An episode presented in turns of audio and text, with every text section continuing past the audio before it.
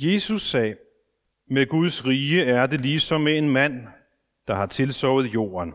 Han sover og står op nat og dag. Og kornet spiger og vokser, uden at han ved hvordan. Af sig selv giver jorden afgrøde, først strå, så aks, så fuld kerne i akset. Men når kornet er modent, går han straks i gang med sejlen, for høsten er inde. Og han sagde, hvad skal vi sammenligne Guds rige med? Hvilken lignelse skal vi bruge om det? Det er lige som et sennepsfrø. Når det kommer i jorden, er det det mindste. Er det mindre end alle andre frø på jorden? Men når det er sået, vokser det op og bliver større end alle andre planter og får store grene, så himlens fugle kan bygge rede i dets skygge. Amen.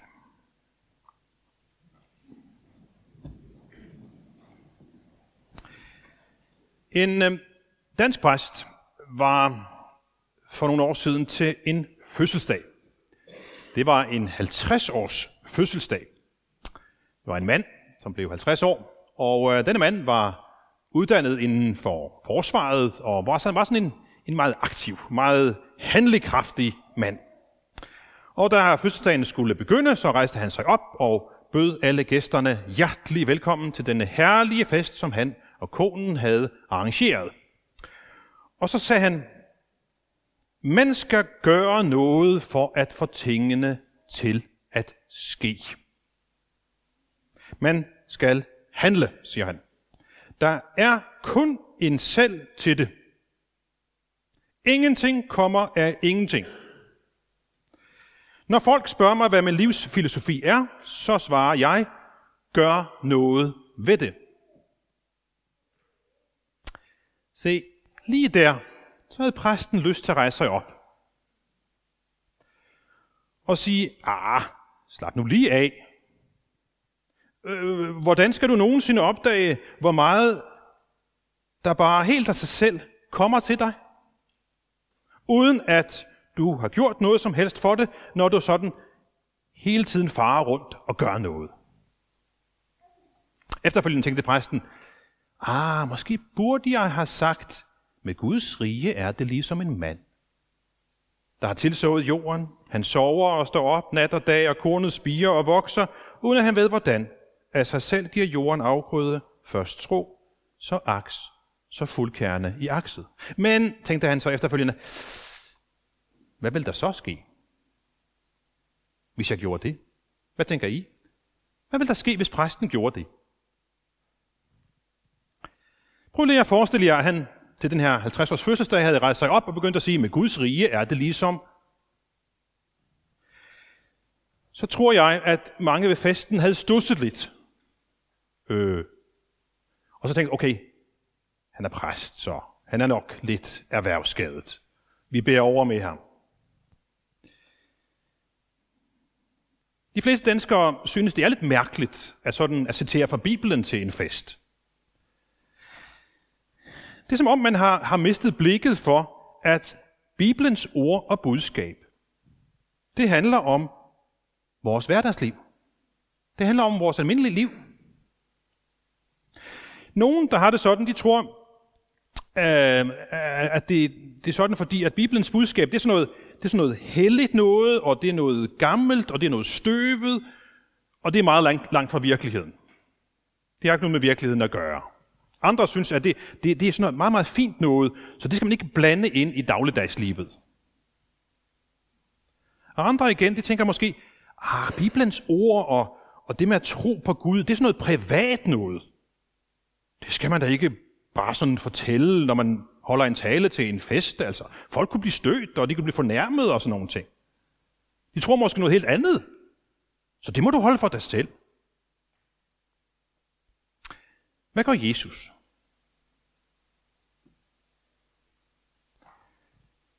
Ja, han taler om Gud hele tiden. Om det, som Gud har sagt, og det, som Gud siger. Og ved enhver lejlighed til hverdag og til fest, så talte han om, hvad Gud er, hvad tro er, og hvad det alt sammen betyder i vores liv. Med andre ord, så talte Jesus altid om det, der var og er vigtigt lige nu og her. Og så brugte han også billeder, som alle kunne forstå, Han talte om hverdagstingene, om korn og om fisk, og om brød, og om arbejde og lønsspørgsmål og kærlighed og tvivl. For eksempel ligesom den, den her lignelse, jeg læste i dag. Alle hans tilhører kunne godt forstå, at sådan foregår det selvfølgelig. Men så kornet, men at det vokser, ja, det gør det af sig selv. Hvis man gerne vil have, at det står pænt i sådan nogle, nogle rækker, ja, så er det en fordel, at du gør det lidt umage, når du sår det, og så det er lidt nemmere at passe på og, og vande og lue og sådan nogle ting. Og det, det er jo også godt nok at gøre det, at passe på det og, og gøre sig umage, men selve væksten, det kan vi ikke kommandere over og sige, kom nu, op med dig. Nej, det vokser af sig selv, siger, siger Jesus. Og sådan tror jeg faktisk også, det er med mange af de ting, der er vigtige i vores liv. Vi kan bare tænke på det, der skete for et lille øjeblik siden over ved dåben.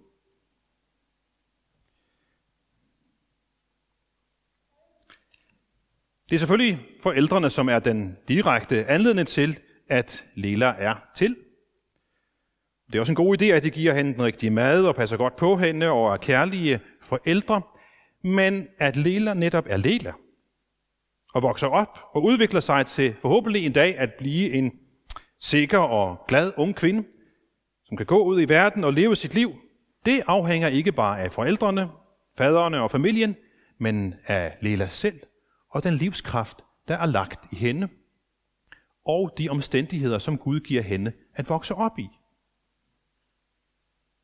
Jeg tror, at hvis vi tænker godt efter, så kan vi blive enige om, at der er meget af det, der er vigtigt i vores menneskeliv, som ikke afhænger af det, vi selv gør, men snarere om, vi tager imod det, der kommer til os. I dag har Lela fået en stor gave fra Gud i dåben. I dåben giver Gud os sin kærlighed, sin tilgivelse, så vi kan se det, og vi kan høre det. Vi kan erfare det nogle gange, så kan man komme lidt i tvivl om Guds kærlighed og tilgivelse, men i dåben er det meget tydeligt. Vi kan se det i vandet, vi kan høre det i ordene, vi kan også se det i, i den traditionelle dåbskjole. Den er hvid. Og det skal fortælle os, at Gud tilgiver os og gør os rene. Og så er den alt for stor, og det er jo ikke en fejl. Den skal være alt for stor, for det er noget, man vokser i. Det som dåben betyder, det skal gælde hele vores liv. Dåben er en gave fra Gud, som vi ikke kan og som vi ikke skal gøre os fortjent til.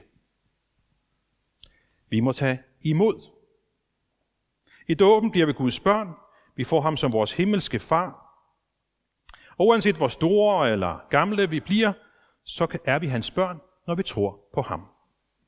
Og vi kan altid komme til ham, det kan vi gøre ved at læse i Bibelen, ved at bede til ham, ved at komme sammen med andre kristne, høre om Guds ord og lære mere om ham og synge osv.